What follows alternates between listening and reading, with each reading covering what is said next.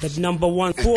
BK Mkhuno 12 kuya ku3 sure. Ukhozi FM esikhuluma ngendaba ukuthi mawusuke no idea ethizeni kumbe ibusiness thizeni osuku nalo ongakwazi ukuthi uyiphilise ngalo kumbe uqhamuke neidea engakazi bekhona eh, ukuthi wenze njani uqinisekise ukuthi uyayibhalisa ke kaSipro ukuze abantu bengayitshontshe kumbe ungasho futhi ukuthi utshontshelwe idea yakho kanti wena obukade ungayibhalisanga. Sokhuluma naye ke sizwe namhlanje nje ukufundisa abantu ngokuthi mawune idea ungenze njani ukuthi ke uyivikele angimele abaleli bokhozi FM ngosuku olubaleka ngakho olwaziwa nge-World Intellectual Property Day. La khona umhlaba wonke usuke ubungaza abafethu nodadewethu abasuke babasunguli nabanye abasuke sebedevelop noma bathuthukisa izinto esiyisebenzisa nsuku zonke ukwenza impilo zethu zibe lula noma zibe ngcono. Iningizimu afrika yasaleleke ngemuva la. Sinenhlangano eyaziwa nge-companies and intellectual property commission elapha ngaphansi komnyango waka-department of trade industry and competition okuyiyona esisizayo ukuthi ivikele i- izinto esuke sesizenze sayithuthukisa noma lento esingayibiza ukuthi ama-invention wethu. Ingayihambi-ke yodwa lo mnyango ubususiza umthetho. Umthetho lapha ngaphansi kwawo noma engamele yonke le process kuba i-trademarks act yango-1993 kube khona ne-patent act bese kuzoba khona ne-copyright act okuyiyona esisizayo ukuvikela konke lokhu esuke sesikwakhile masizoqala nje lapha ngama-trademarks lento esingayibiza ngokuthi i-brand logo noma islogan okuyiphawu osuke likhombisayo ukuthi wena uma kuthiwa uyangena lapha kwi-market noma mhlawumbe kunamakhasimende akho akubona kanjani siphi isiqubulo osisebenzisayo ke sithathe ukhozi FM i-design yelogo yokhozi le onokhozi noma inenyoni ebaziwa ngokhozi iyona esingathi yi-brand logo yokhozi FM bese kuthi islogan la sithi khona lohamba phambili isona isiqubulo sokhozi suke liprotectiwe noma livikelekile.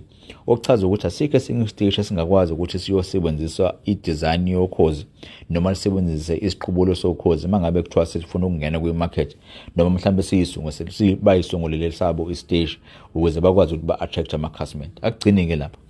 Siyakwazi futhi nokuvikela amadizayini sisebenzisa yona leya companies and intellectual property commission.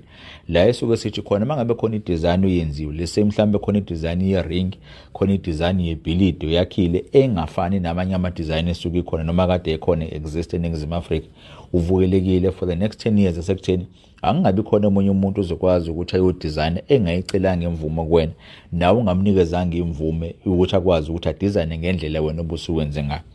Phinde futhi kuzo protection noma kuvikele lento esingayithi ama patents under i patent act ifundiswa noma ihambisana nalento ekuthiwa i patent cooperation treaty. Yona esuke ithi kwamanye amazwe akhona awu 148 emhlabeni wonke uma ngabe uregister ezweni elilodwa kufana nokuthi usuregister kuwona wonke lamazwe awu 148 futhi ngeke aze wakwazi ukuthi umunye umuntu akwazi ukuthi aregister ipatent yakho lapho kulawo mazwe.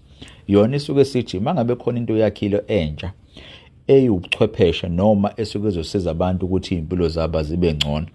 Ingekho noma kuwukuthi okokuqala lento iba khona. Siyakwazi ukuthi sikuvikele iminyaka ewu-20 kwenzela ukuthi noma ngabe kuthiwa ubani omunye umuntu oyakhayo noma oyidayisayo noma oyithuthukisayo ngeke aze akwazi ukwenza engezanga kuwena ukuthi akazocela imvume yakho. Nawe futhi uma ngabe ungamnikezanga imvume yakho usuke kuchaza ukuthi ngeke asakwazi ukuthi aye phambili. Masothatha into efana njengama-disposable nappies. Ukhumbula isikhathi efika lamanabukeni lawo sesikwazi ukuthi siwalahle manje. Hayi nobuchwepheshe obuncane kakhulu. Kodwa manje asethuthuke ngale ndlela yokuthi ayakwazi nokuthi avike avikele lapha iy'ngane ukuthi angingabi khona ukutshabuka kuzoba khona noma angaxabani nesikhumba sey'ngane. Kuba amanabukeni ongeke usakwazi ukuthi uwafake ngesipeledu ukwazi ukuthi uwagqoke kube sengathi usugqoke ibhuluki kube lula ukuthi uwafake noma uwakhumule. Konke lobo buchwepheshe nalowo izinto ey'suke sezikhona osekudevelophe ngawo kufanelekile ukuthi wena uma ngabe usuqhamuke nako hamba phela bese uyoshaya indisheni noma uyokhombisa kulo muntu owakhile ukuthi cha sengithole indlela entsha esingakusebenzisa ngako lokhu manje wakuwakhile wena.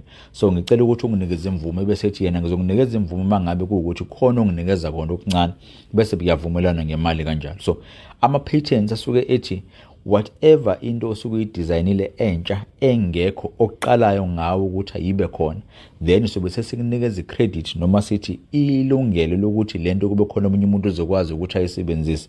Kuxhomeka noma kuncike kuwena esekutheni umnikeze lelo mvumo ukuze akwazi ukuthi ayisebenzise.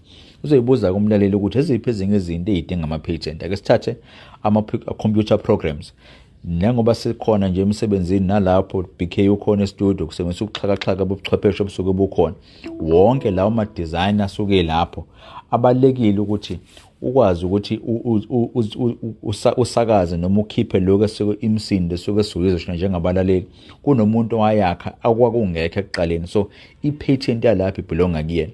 Singagcini lapho sikhumbula ukuthi singaphansi kwama-regulations ka-covid noma e-corona siyezwa futhi sekuthiwa ne-vaccine isikhona umuntu wakhe i-vaccine wahlanganisa wathaka lokho okudinga ukuthi akube khona ukuze i-vaccine ayibe khona.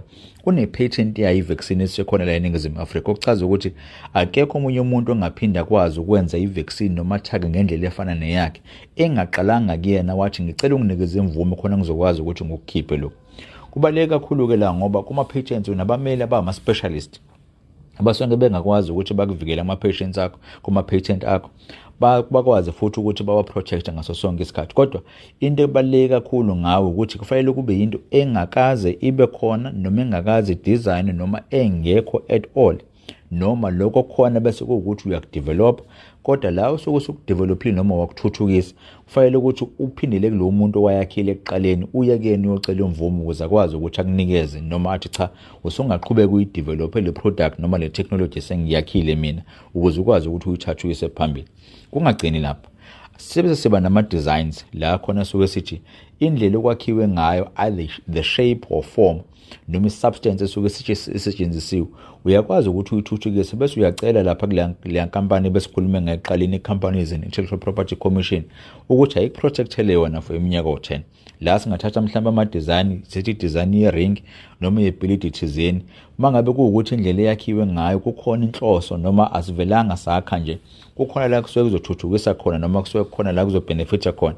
Then lo design kusuke kweyakho akekho omunye umuntu okwazi ukuthi ayisebenzise engadlulanga kuyena.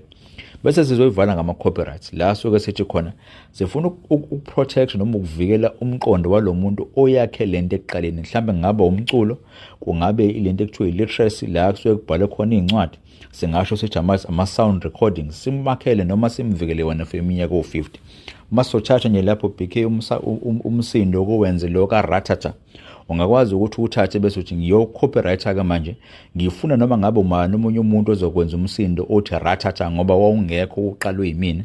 Aze kumina aqala azoshaya indisheni ngimnikeze imvume bese siyabona ukuthi sixoxisana kanjani ne- nge- ngenkokhelo. Singagcini lapho uma uzochacha u-dj tira lapha ethi chikishikita nakhona futhi kuwumsindo kusuke owakhe leyo corporate angakwazi ukuthi ayenze lezi sound recording athi akekho omunye umuntu ozokwazi ukuyisebenzisa engaqalanga kumina. Ithinta kakhulu-ke le abaculi nabantu abasuke benza izinto mhlambe zase-stage noma ama-movie noma mhlambe zona iy'tori uma kuthiwa baya-act ukuthi cha abaqiniseke ukuthi izinto zabo zicopyright wengempela kunezinye izinto-ke eh, bk ongakwazi ukuthi uyi-cooperate njengama-ideas noma umqondo usuke ungakabi khona phansi ngoba konke lokho esengokubale ngaphezulu uma usufika lapha kuleya nkampani i-companies and intellectual property commission ikithi awusubmithe phela into yakho khona uzobona ukuthi ihambe yize ifike kuphi. Now uma kusuke kusayi-idea noma kusayi-concept kungabe ingakabi into ebambekayo. Nezokwazi ukuthi ingene information eningi kuba inkinga ukuze ukwazi ukuthi uproject zikhona ke ezinye iy'ndlela zomthetho ongakwazi ukuthi uyisebenzise lapho. Ngesikhathi mhlawumbe usafuna i-funding ngoba kuye kuthanda ukuthi kushaye kancane ephaketheni ukuze ukwazi ukurejista zonke lezi zinto esengiy'balile. Ungasebenzisa izinto ey'fana njengama-confidentiality agreement la suke sithi khona isivumelwano esiyimfihlo lesi la esizothi ngeke sikwazi ukuyidlulisa le information ungaqalanga wazobuza la kumina. Noma kube ilento esiyibiza ngokuthi non-disclosure agreement la kusuke kuthiwa khona siyavumelana ukuthi angeke uze uhambe uyifafaza yonke indawo selento esengiyikhulume nayo. If ukwenza lokho ngibe sengiyokuthatha sengikusenkantolo ngi- ngicela enkantolo ukuthi ayingikhokhele noma wena ayikunikeze order ethi nginikhokhele ama- ama-damages. Ngenxa yokuthi usuhambe wathatha into yami ekade ibaluleke kangaka bekade ngisathemba ukuthi ngizokwazi ukuthi ngikwenze inzuzo ngayo ngokuhamba kwesikhathi wahamba usuyinikela izwe lonke. So ngifuna ukuthi ungikhokhele noma unginxephezele ngayo yonke lento osuyenzile kodwa kubalulekile kubalaleli kufanele bakhu- aba- bakukhumbule kubaluleke kakhulu lento esibiza ngokuthi intellectual property ekudevelopheni amabhizinisi amancane. Amabhizinisi amancane iwona abalulekile nawo mgogodla womnotho noma oyi-economy yaseningizimu afrika. Yingakho ngaso sonke isikhathi kumele sisebenzisane sibone ukuthi singathuthukisa kanjani nohulumeni angasali ngemuva ngoba uyena phela kwi-forefront nokusikriyethela izinto ey'fana njengayonke le mithetho esengiyibalile nawo lo mnyango waziwa nge-companies and intellectual Pro- property commission. Abafisa ukuthintana nathi njengozikayela tennis bangasithola kule nombolo u-031 305 0909 031 305 0909 noma basivakashele amahhovisini ethu sise 6th floor at Durban Club Place e6 Durban Club Lane. Uma ufuna ukuyazi ukuthi ukuphi leyo ndawo uma uhamba nje ngoSmith Street okade u-Anton osuwu-Anton Lembede manje nangomgaqo omncane lapha ekuthiwa i-Durban Club Lane uma uphosa amehlo ngaka-right uzobe usufikile e-Durban Club Place ngiyabonga The kakhulu number one four. BK Mkhunu 12 kuya ku 3 Ukhozi FM